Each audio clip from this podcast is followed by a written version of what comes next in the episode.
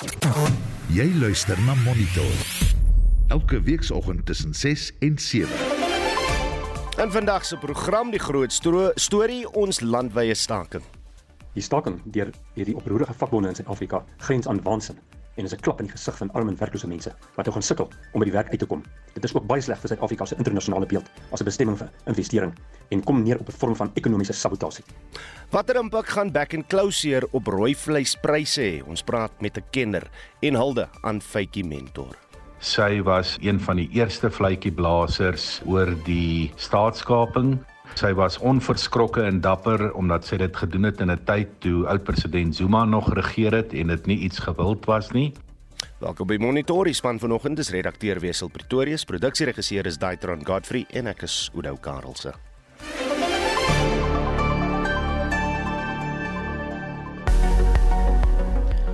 Goeiemôre en ek is Estie de Klerk en hier volg die reisigers weer vir vandag soos uitgereik deur die Suid-Afrikaanse Weerdiens.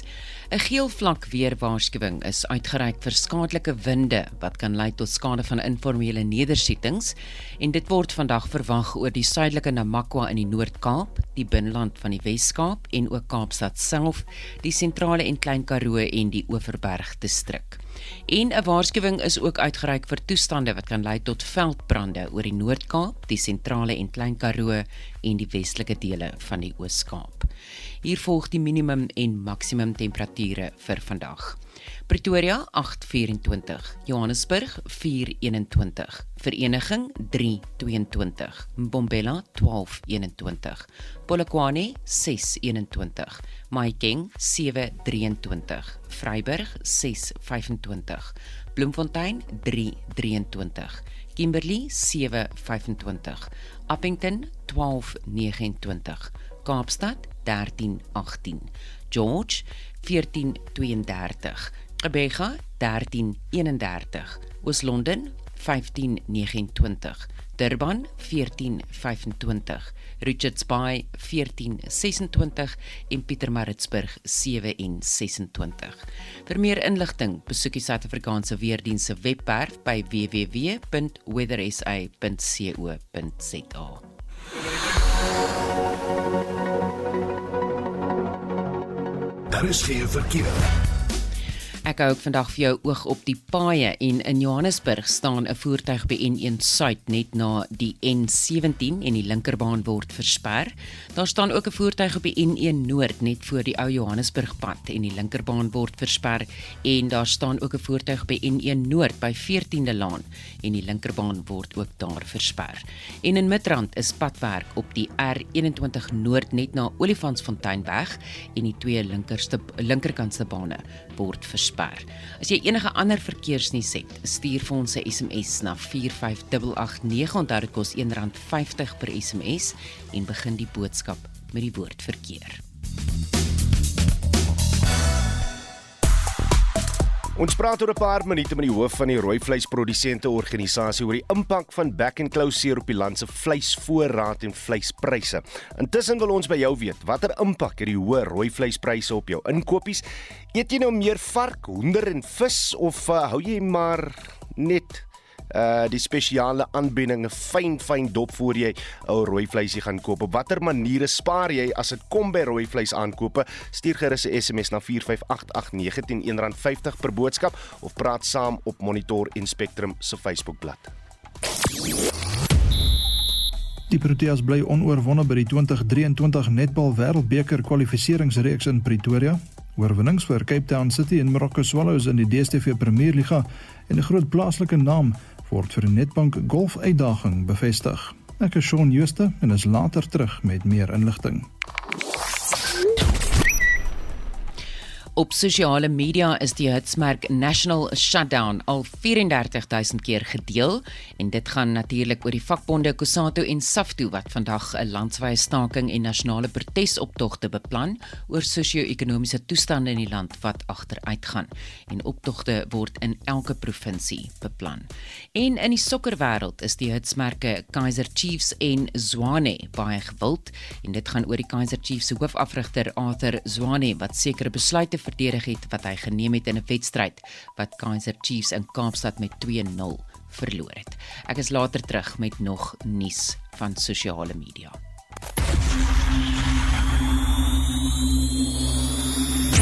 Monitor jou oggendnuusprogram op RSG. Byna 12 minute oor 6. Uitbrekings van back and closure is reeds in Limpopo, Noordwes, Gauteng, die Vrystaat en KwaZulu-Natal aangemeld. 'n Vervoerverbod van minstens 21 dae is verlede week deur die minister van Landbou Tokko Didiza aangekondig as deel van pogings om die verspreiding van back and closure te bekamp.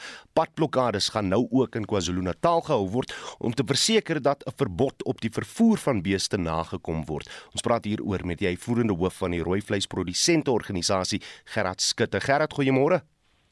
Môre Oudo. Sê my, hoe raak die verbod die land se afslaers, beesboere, vervoerkontrakteurs en die bedryf in geheel, uh, Gerard?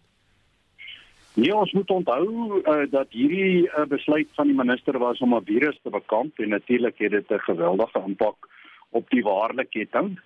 Maar as ons nou kyk, uh, waar staan ons nou in terme van die Grendel uh, tydperk van uh, ons omtrent in die eerste week? Het ons gister geweldige goeie nuus gekry. Die uh ons het vir 5 maande onderhandel um oor die verbod van uh woluitvoere na China. Hmm. Hy het gister toegestaan 734 miljoen rand uh, uh in terme van landbou bruto nasionale produk en dan gister het China ook uh, uh oopgemaak huide en velle net so groot. Uh so ja, ons uh ons moet uh, deur hierdie ding gaan uh, ten einde ons handelsvernote gelukkig hou. Mm. Met met die met die plaaslike verbod op vervoer wat nog in werking is, kan daar wel 'n tekort in die voorraadketting ontstaan en dus hoër rooi vleispryse tot gevolg hê.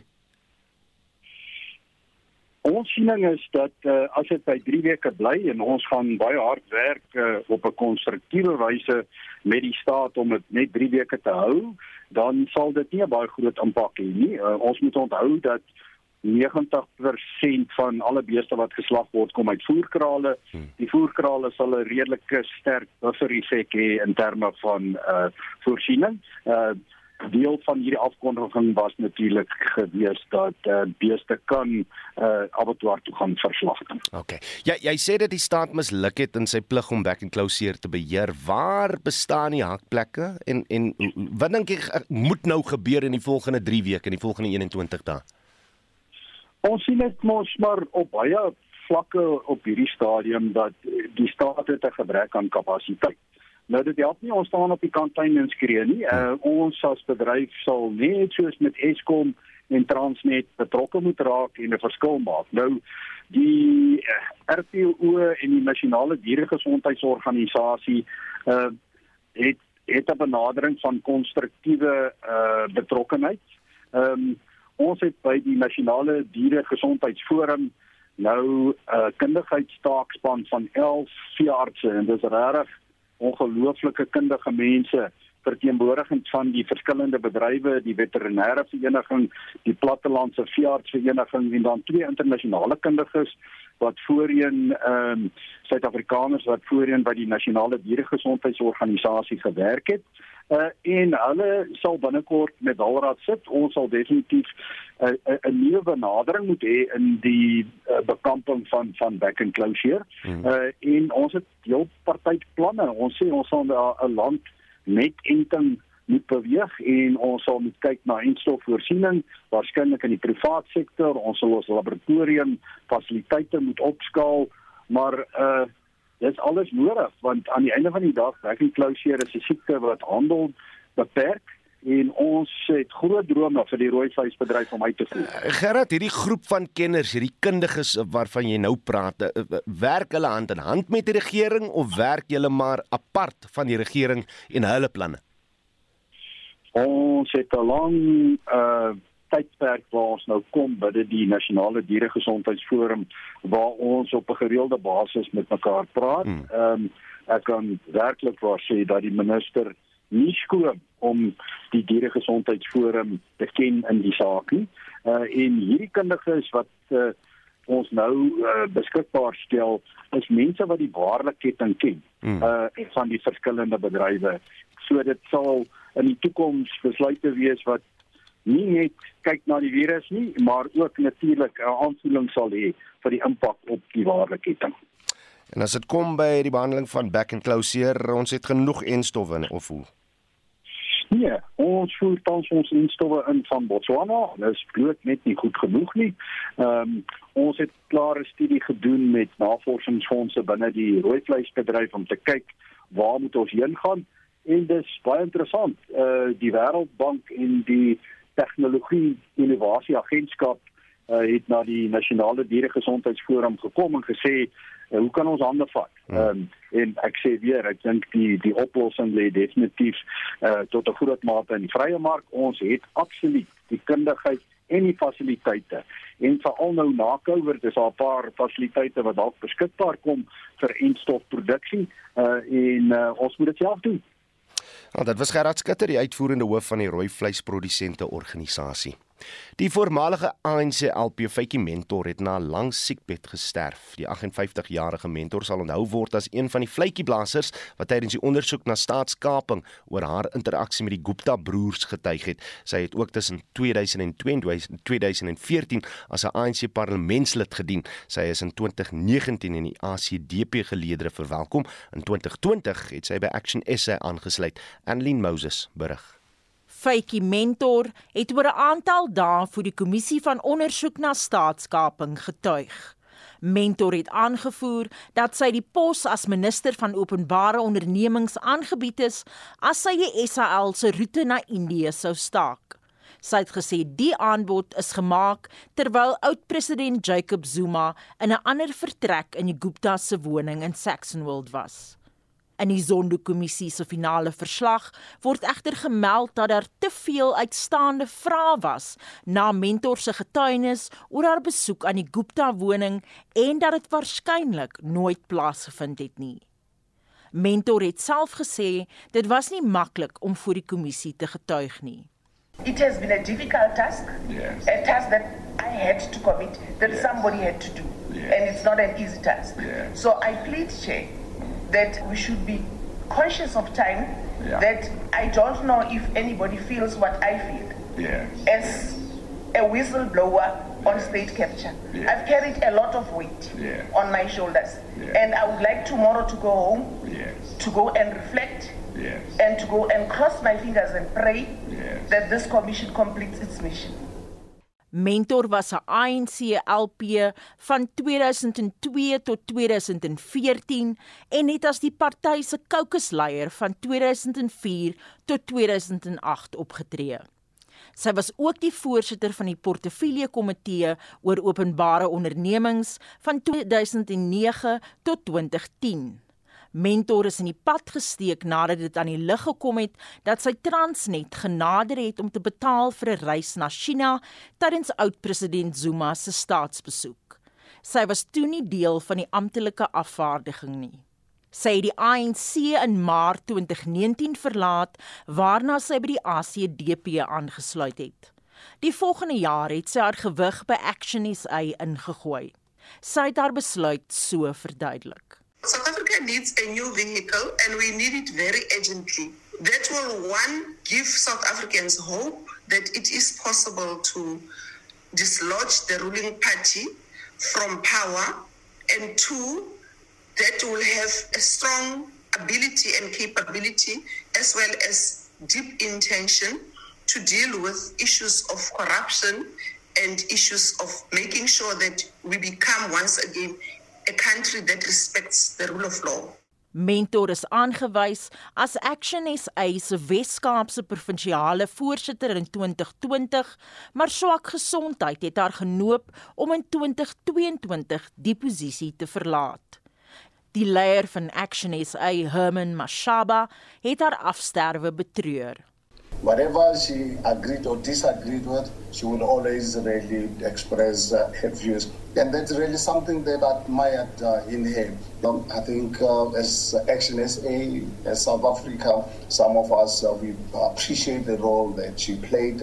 it's a big, big, big loss for us as Action SA in preparation for 2024 to be national government because someone like Feiki was going to really bring that wisdom and experience. Hulde Blyke het ook ingestroom en die nasionale voorsitter van Cope, Dennis Bloem, het haar dood as 'n groot verlies beskryf. The country has lost a hard worker, committed patriot, a fearless soldier, a corruption buster, a no-nonsense servant of the people who gave her entire life for the freedom of all the people of South Africa. She fought for a better life for the oppressed. Feki served this country with distinction. Dit was die nasionale voorsitter van Cope, Dennis Bloem, wat die verslag deur Boesie Chimombe afgesluit het. Ek is Annelien Moses vir SAK nuus. Vakbonde wil die land vandag tot stilstand ruk. Hulle eis 'n maatskaplike toelaag van R1500, asook lae rente eh, rentekoerse, brandstofpryse, elektrisiteitstariewe en kospryse. Salarisverminderings uh, en verhogings onder die inflasiekoers moet ook stopgesit word. Ons praat nou met Dr. Rolof Botha, die ekonomiese raadgewer van die Optimum Beleggingsgroep. Rolof, goeiemôre. Goeiemôre julle. Eerstens, wat kan die koste van so 'n nasionale staking aan die ekonomie wees? Ja, daar's verskillende maniere om dit uh, te bereken. Ehm um, daar daar da was daar was 'n van die media gister ook uh, allerlei berekenings gewees om mense versigtig wees om dit nie te oor, oordryf nie hmm. of te oorskat nie want uh, dit is nie 'n 'n hierdie vakbonde se vermoë om uit die land tot stilstand te ruk nie. Uh daar is vir elke vakbond lid in Suid-Afrika is daar 4 mense wat werkloos is. Hmm. Uh en dit is uh, werklik jammer dat daar nie 'n amptelike forum is vir werkloses. Ehm uh, want wat hulle nou doen hierdie hierdie uh militant gesinde militante vakbonde is dis so 'n klap in die gesig van werklose en arme mense in Suid-Afrika wat uh, wat graag sal tot werk vir 'n fraksie van wat hierdie mense verdien. Hmm. Nee, ek weet nie wie luisteraars besef dat die gemiddelde formele sektor salaris in Suid-Afrika is net onder 300 000 rand per jaar. Uh, maar vir werklooses is die uh, inkomste natuurlik 0 rand. Uh, en daai daai daai gaping is ontsettend groot.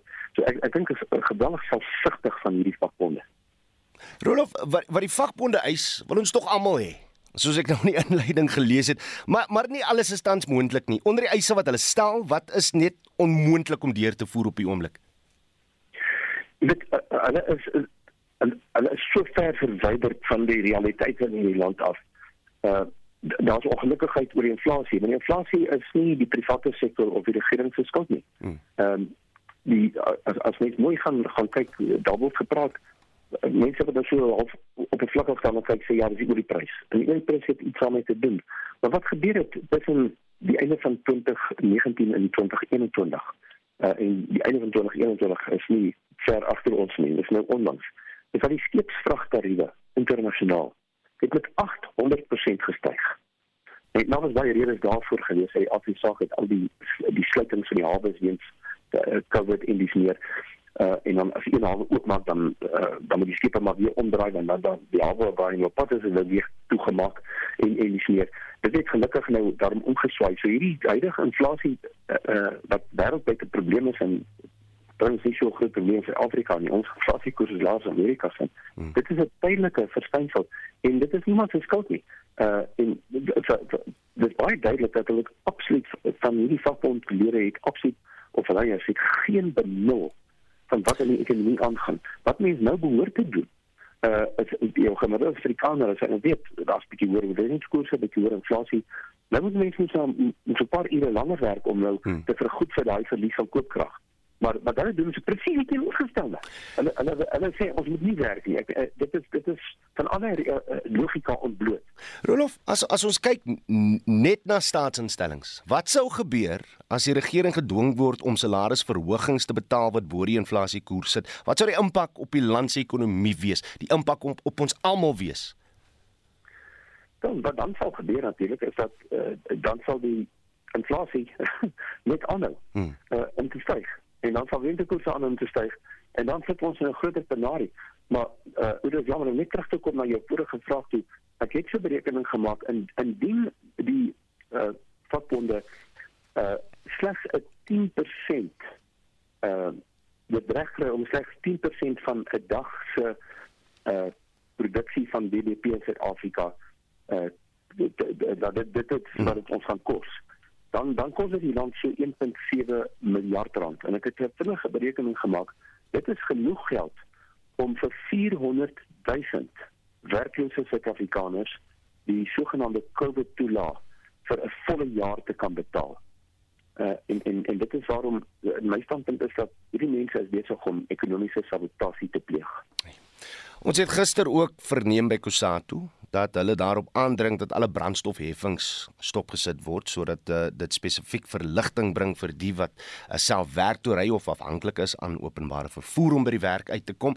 Is makliker gesê as gedaan want want uh, jy jy kan net sowel die, die teenoorgestelde uitwerking hê as jy dit uh, in in in plek moet stel of hoe?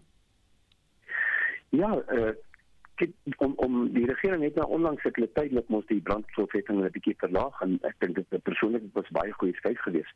Maar daar is beter maniere om te kyk na die brandstofprys wat uh natuurlik uh, die kans is baie goed die brandstofprys weer gaan verlaag oor oor 'n week of so van nou af, bietjie meer as 'n week van nou af. Maar die brandstofheffing is een van die vyf belangrikste bronne van inkomste vir die regering en dit is nie wenslik vir enige land in die wêreld om nou 'n uh, groot verbruik van van brandstof uh, aan te moedig nie.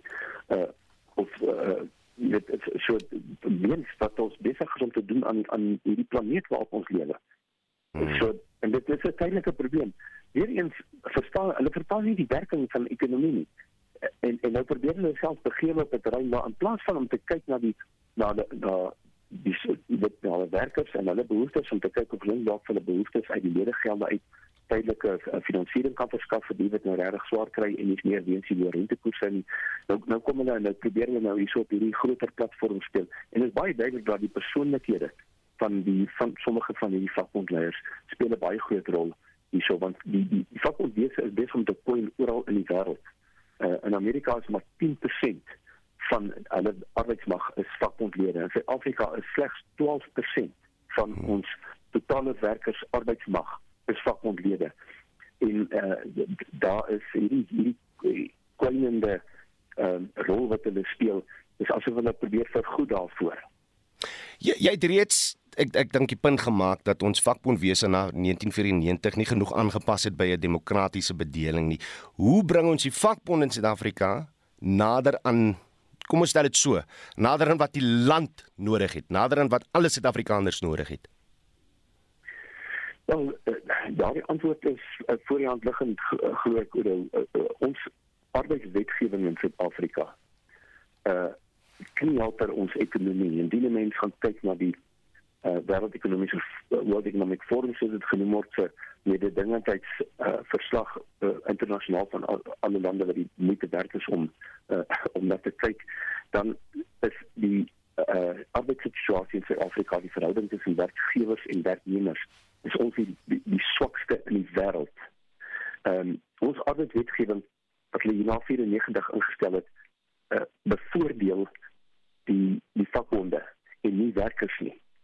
En uh, uh, nie nie die werkgewers nie. En sommige werkgewers is is daar nie is uh, weet die vakbonde natuurlik nie bestaansreg nie. So die arbeidswetgewing moet aangepas word. As ons meer meer dinge wil word, dan moet ons gaan kyk na arbeidswetgewing. Dit is eenvoudig te maklik in Suid-Afrika vir uh, uh, vakbonde en en werkers om om te staak sonder baie goeie redes. En dit, dit belemmer ons internasionale mededingendheid. My groot vrees hmm.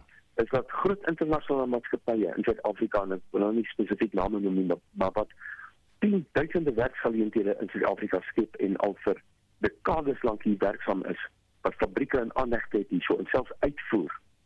Ek dink veral byvoorbeeld aan die motor uh, vervaardigingsbedryf dat hulle eendag gaan besluit reg tot hier toe nie verder nie. Ons gaan nou maar liewer kyk of ons nie uh, die Afrika mark uh, kan diens uit Nigerië uit of uit 'n hmm. uh, ander land of selfs uit Suid-Amerika uit nie. Uh, dit is my groot vrees. En dit was Dr. Rolof Botha, die ekonomiese raadgewer van die Optimum Beleggingsgroep. Monitor jou oggendnuusprogram op RSG.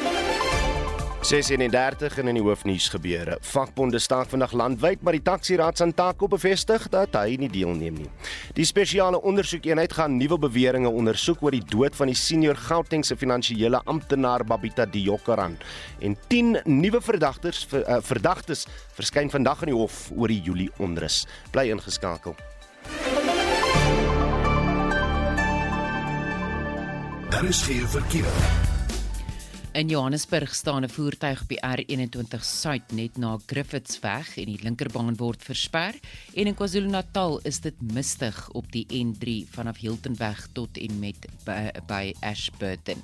Indien jy enige ander verkeersnuus het, stuur vir ons 'n SMS na 45889 R1.50 per SMS en begin daardie boodskap met die woord verkeer.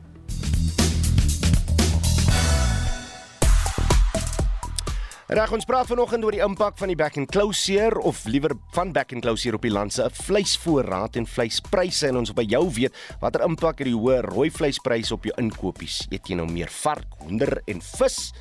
Ja, vis is ook maar net so duur. Ek soek gewoonlik maar nou net vark. Die eerste lekker stukkie vark wat ek 'n varknek. Mm. In elk geval. Uh, uh, uh, of wag jy maar nou vir die, die spesiale aanbiedinge? Op rooi vleis. Op Facebook sê Hendrik Miller, ja wel, vrye markbeginsel solank daar aanvraag is, dan kan die prys mos maar opgestoot word. Maak nie saak hoe duur dit is nie, maar sal altyd mense wees wat dit koop. Duur is in elk geval relatief eh, 'n relatiewe konsep. Wat vir my duur is, is vir jou dalk goedkoop. Wel, ja.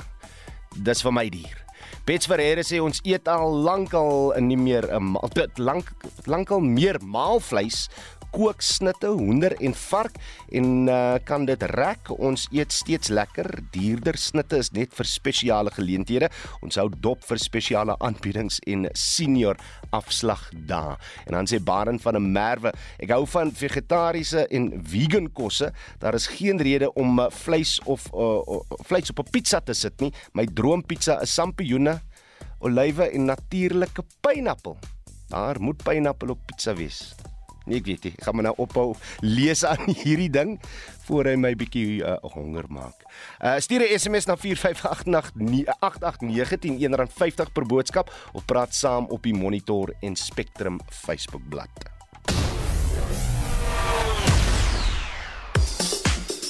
Sean, jy is staan gereed met uh vanoggend se sportnuus. Môre, Sean. Eh, goeiemôre Oude. Nog steeds onoorwonde by die 2023 netbal wêreldbeker kwalifikasieringsreeks. Ja, die Proteas het Tansanië gistermiddag met 58-30 oorrompel nadat die rustydtelling 34-13 was.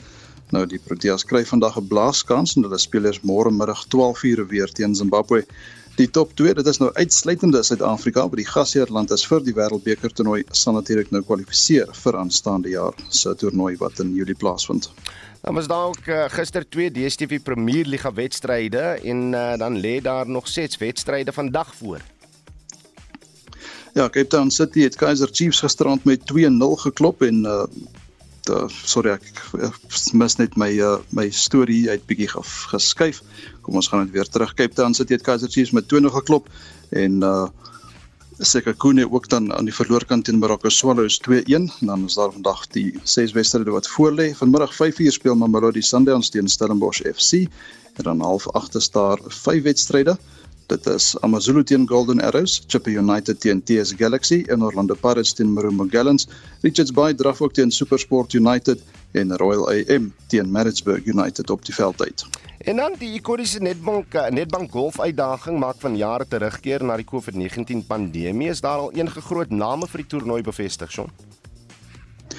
Organiseerders het gister bevestig dat 'n bekende naam in Suid-Afrikaanse golf, Dean Burmester, beskikbaar is vir die 40ste weergawe van die toernooi. Nou die Amerikaner Will Zalatoris het ook so 2 weke gelede reeds bevestig dat hy beskikbaar is en die verdedigende kampioen Tommy Fleetwood van Engeland beoog gekom die trofee vir 'n tweede keer te lig. Nou soos jy sê, dit is by die Gary Player buiteklub by Sun City waar die toernooi sal plaasvind en dit is tussen 10 en 13 November en uh, ons sien ook uit na nog heelwat groot name wat bekend gemaak sal word aangesien daar 7000 DP wêreldreekspunte beskikbaar is en die totale prysgeld beloop 6 miljoen dollar. Ja, ek's net bly ons almal gaan weer terug Sun City toe. Dis uh, Shaun Jooste van RSG Sport. Jy luister na Monitor. Elke weekoggend tussen 6 en 7. Vandag is 6 maande. 6 maande sedert Rusland Oekraïne binnegeval het. En Jean Marie uh, is dit gereed met 'n blik op wêreldnuus. Oekraïne se president Volodymyr Zelensky het kommer uitgespreek dat Moskou vandag 'n ewige aanval kan uitvoer, aangesien Oekraïne ook vandag onafhanklikheidsdag vier. Dis reg, Zelensky sê vandag se vieringe sal 'n somber geleentheid wees, maar hy het tydens 'n media-konferensie ook gewaarsku dat enige aanval deur Rusland vandag 'n kragtige Oekraïense reaksie sal uitlok. Oekraïne het in 1991 1991 onafhanklikheid van die Sowjetunie verkry. Intussen het Amerika nog wapens na Oekraïne gestuur om sy teen-Russiese offensief te versterk. Hier is die BBC se Kiki Ikundu. This is the largest military aid package that the United States is offering the Ukraine. And it's basically uh, similar to other packages that they have handed over to the Ukraine. But more importantly, there's a slight difference in this one because it is looking towards the longer, medium to longer term uh, defense strategy that Ukraine has. It's going to include weaponry, ammunition, training for troops, and some drone packages, several different types, although these could change overnight, we're told. Um, and some of those drone packages could be uh, the British Vampire drone, which could be launched from ships. 'n Woordvoerder vir die Oekraïense owerheid het intussen in reaksie op Amerika se jongste wapenbesending die gebruik van die wapens in perspektief gesit.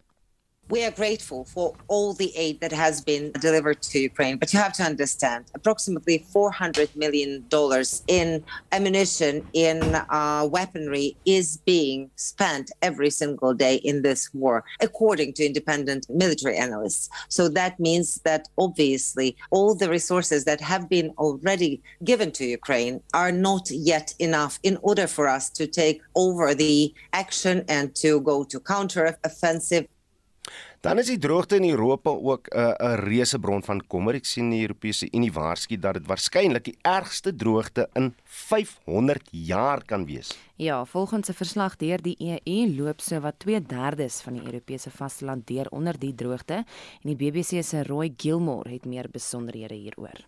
Europe is buckling under the stress of months of heat waves. Rivers are drying up, crop yields are down, and wildfires are becoming increasingly common. The observatory says the situation is worsening in many countries, including Portugal, Germany, and Britain. For some southern regions, drier than normal conditions are forecast to continue until November. The report also warns that low water levels are damaging the energy sector, which is already facing a crisis, by causing a 20% drop in hydroelectric power. The European Commission says climate change is undoubtedly becoming more noticeable every year.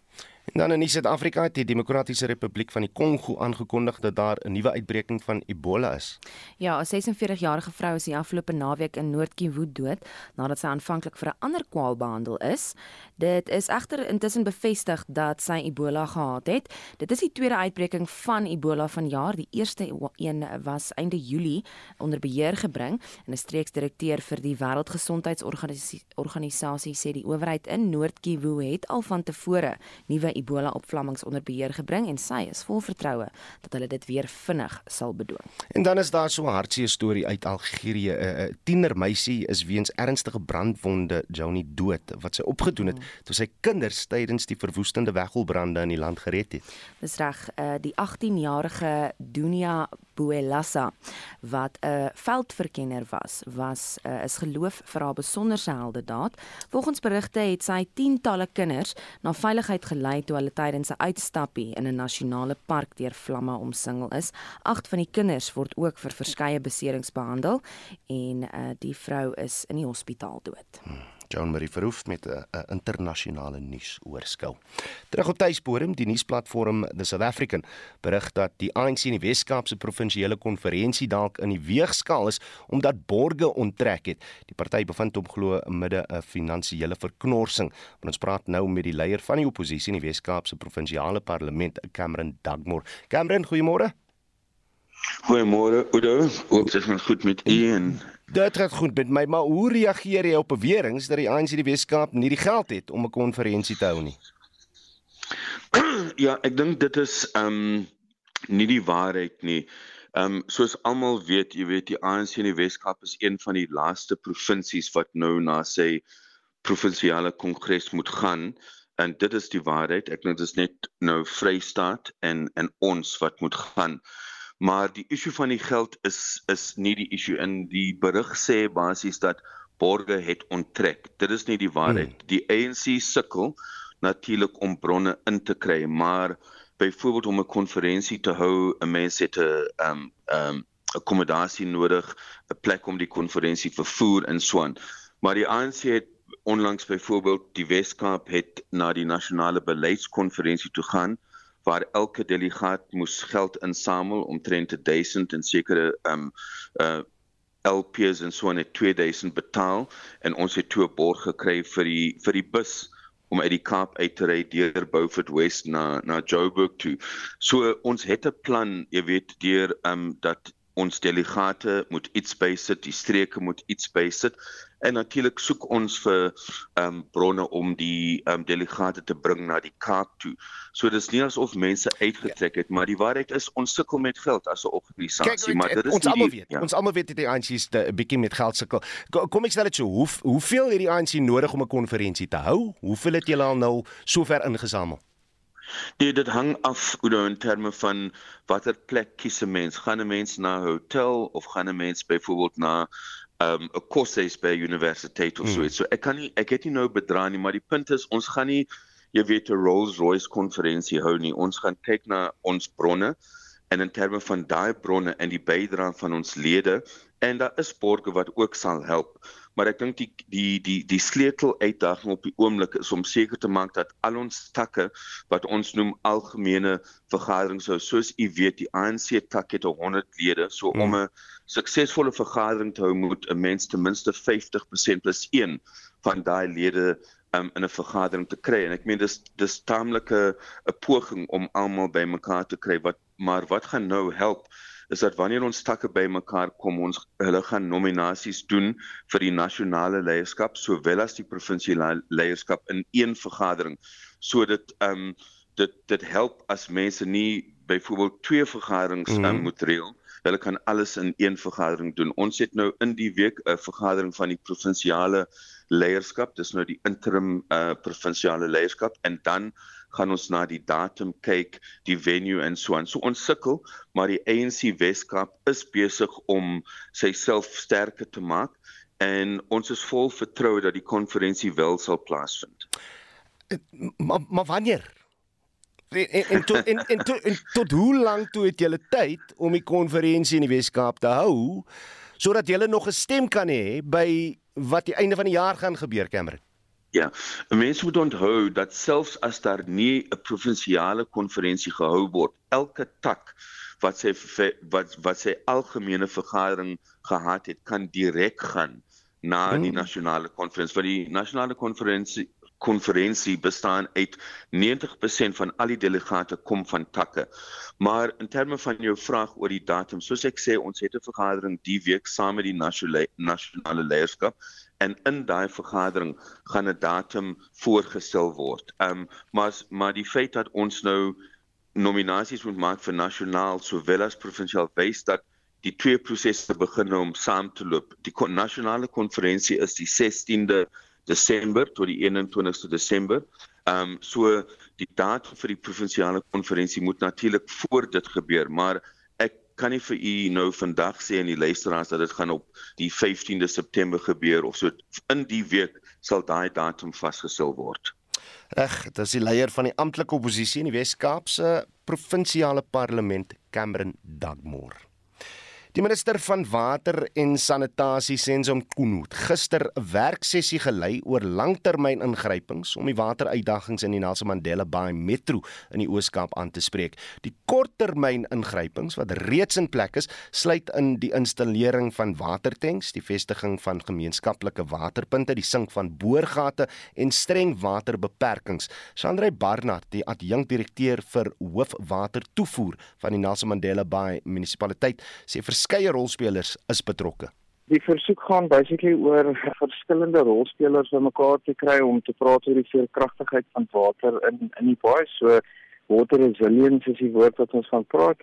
Daar's 'n paar afgevaardigdes van verskillende organisasies soos ek sê ons het die plaaslike arbeid unies ons het besigheid hierso ons het um, afgevaardigdes van die World Bank so daar's 'n paar verskillende mense en hulle wys wat ons oral oor die wêreld gedoen wanneer mense in 'n situasie soos ons is, wat kan ons leer van hulle af en wat se planne ons het om water resilient te wees in die toekoms.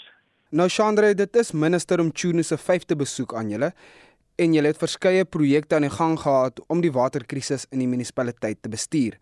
Julle boorgate en natuurlik julle projek om waterlekke te verminder. Hoe gaan dinge nou daar by julle?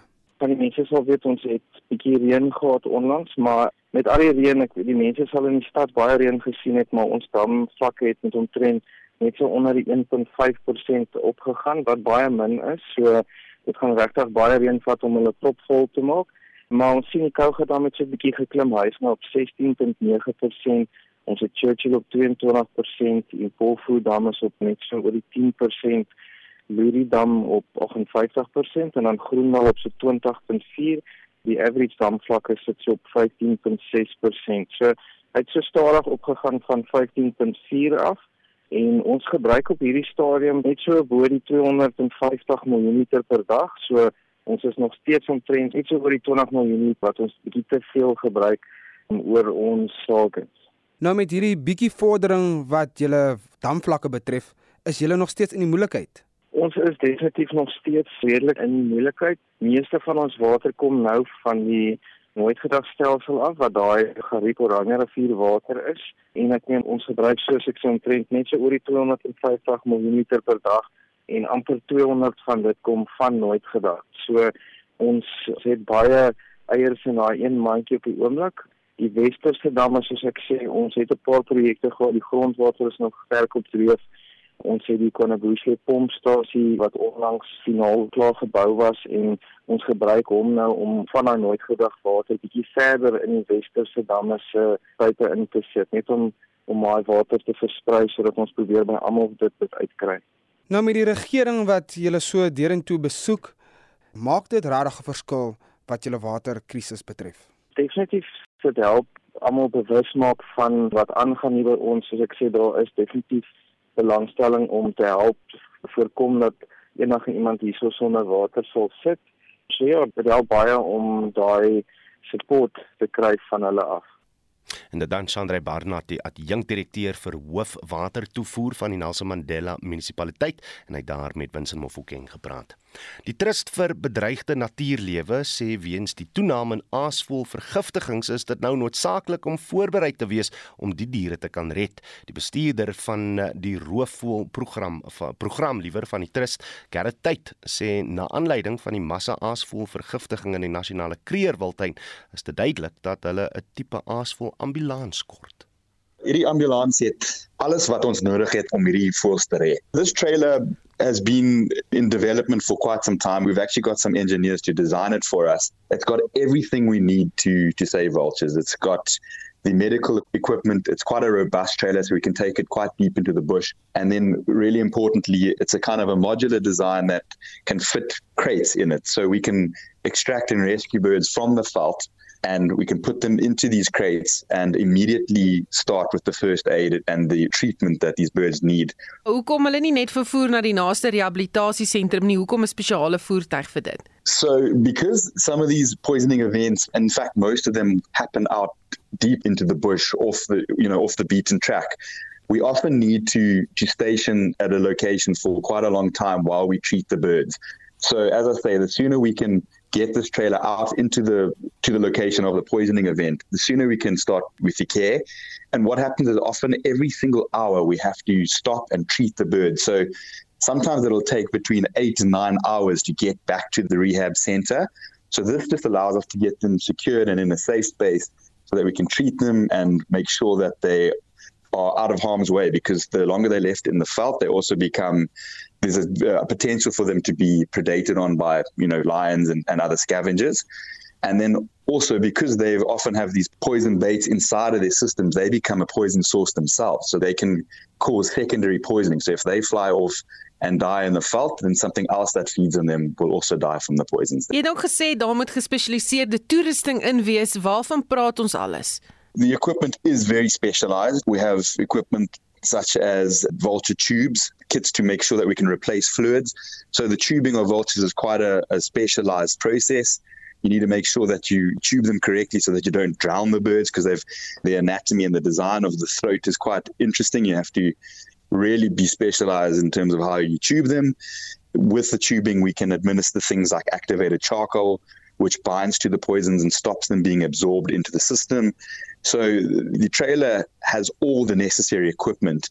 On top of that, there are some veterinary drugs that can be administered to stop the effects and reverse the effects of the common poisons used. And this trailer will have all of that. And also importantly, you know, making sure that you're out of the elements because it's often very hot conditions or very cold conditions.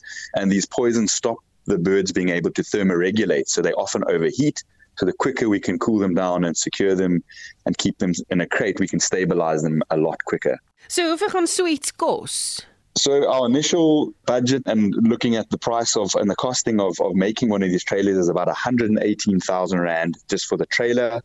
We have budgeted that the additional equipment and the crates that will fit into the trailer will cost about another 40,000. So it's not cheap, but as I say this trailer will be really critical in, in rescuing these birds and ensuring a better chance for their survival. We certainly need to do some level of crowdfunding to cover the cost for this trailer. We don't have any active budgets that we, you know, to cover the cost of this trailer. So any bit of support or donations towards this will go a long way. Hoe gaan dit met daardie aasvoëls wat jy kon red met daai laaste voorval van vergiftiging? They're currently stable. Out of the 30 we've got 24 birds alive still. They are already some of the adults are already strong and they're already biting and fighting and we actually within a week of rescuing them so we, we rescued them on friday last week they are ready to be released so we're going to release the first batch on friday and we're going to be putting tracking units on them so we can monitor their development and and how they how they progress with their with their post release. Gareth Tate is die bestuurder van die roofvoël program van die Trust vir Bedreigde Natuurlewenheid met ons Susan Paxton gepraat. Die Sesilomkhulu Stichting in Bombela, Mpumalanga, spits hom daarop toe om jong meisies van die Matsafeni Township in die skool te hou en met die nodige ondersteuningsnetwerk dit 'n werke te bemagtig. Vier van die minstens 50 jong vroue hier ontvang onderrig by tersiêre instellings. Drie is nou sakevroue en sewe doen kursusse eh, kursusse om spesifieke vaardighede aan te leer. Madeleine Forsie het meer besonderhede. Anthony Ngubane se ma is dood toe sy maar 10 jaar oud was. Vandaar haar behoefte om jong meisies in moeilike omstandighede by te staan. Nou is sy die stigter en voorsitter van die Sessie Lomkulu Stichting wat in 2014 begin het om sanitêre pakkies uit te deel aan behoeftige meisies. Nou is daar ook 'n mentorskap element. We've partnered with Child Welfare Nelspruit, so one of our members happens to be a social worker as well. We also um, run technical skills programs, learning to write out a CV, career mapping. We assist them with tertiary applications. So when they apply for university or any tertiary institutions, we cover the registration costs and we just provide them with that guidance. We get them settled there. So we take them there, just make sure their needs are taken care of. Die jong vroue word verder blootgestel aan ander vroue wat 'n verskil maak. Like minded female role models in different industries. We try to expose them to various industries.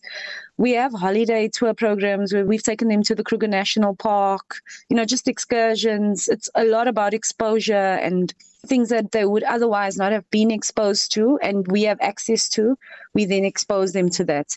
And then we have about three girls who are currently running their own business. So we've assisted them with the setup just assisting them with entrepreneurial skills and getting them exposed to markets Dis maar van die bedrywighede by die stigting.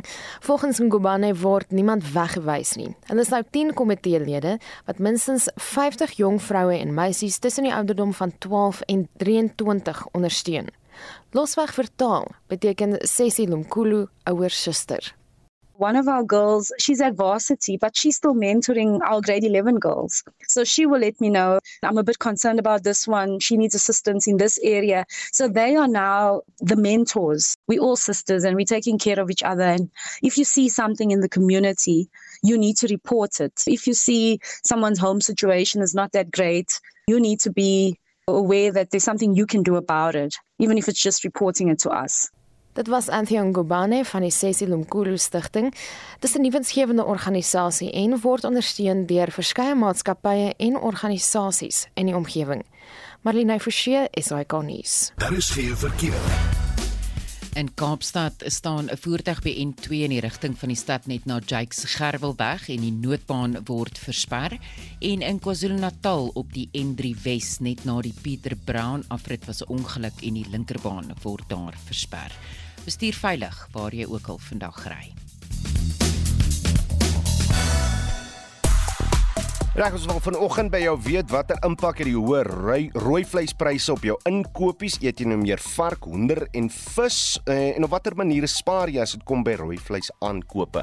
Uh Joan Retief op uh, Facebook sê ons eet nog altyd min rooi vleis, so dit raak ons nie erg nie. Eet vis, vark en, en een aand per week uh vegetariese kos dan en wan is 'n braaivleis lekker. Mm, dan knyp ons oë toe en koop wat vir ons lekker is.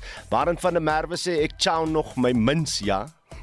Uh Bula Barnard sê ek sien vandag loin chops is R210 per kilogram. Ja, dis waar. Uh wie kan dit bekostig? Seker nie baie van ons nie, nê? En Engela Hakker sê ek eet meer hoender en baie groente, koop rooi vleis as dit my sak pas. Indien nie koop ek maar lekkers chips en chocolates. En dan sê Fred uh op uh, die SMS lyn dat hulle Brian liewer dat hulle direk van die boere afkoop, hulle kry 'n beter prys terwyl daar ook minder betaal uh word as by kleinhandel. En uh, Rian sê hy baie keer is die kwaliteit ook boonop beter. Miskien bietjie raad vir die wat kan. Op sosiale media is die hitsmerk Zimbabweans baie gewild en dit is na aanleiding van sowat 178 000 burgers van Zimbabwe wat in Suid-Afrika woon en werk wat moontlik teen Desember gedeporteer kan word. Die departement van binnelandse sake het die week aangekondig hy gaan voort met sy plan om vrystellingspermitte van Zimbabwe se burgers in te trek. En hierdie permitte is aan burgers van Zimbabwe uitgereik wat na Suid-Afrika gekom het net voor 2009. En die hitsmerk Fytjie Mentor word ook steeds gedeel en dit is na aanleiding van die staatskaping Fytjie Blaser Fytjie Mentor wat gister oorlede is. En dan groet ons namens ons uitvoerende regisseur Nicoline Wie ons redakteur vanoggend is Wessel Pretorius, ons produksieregisseur Daitron Godfrey en ek is Udo Karelse. Geniet die dag in geselskap van RSG op en wakker. Ons volgende. Totsiens.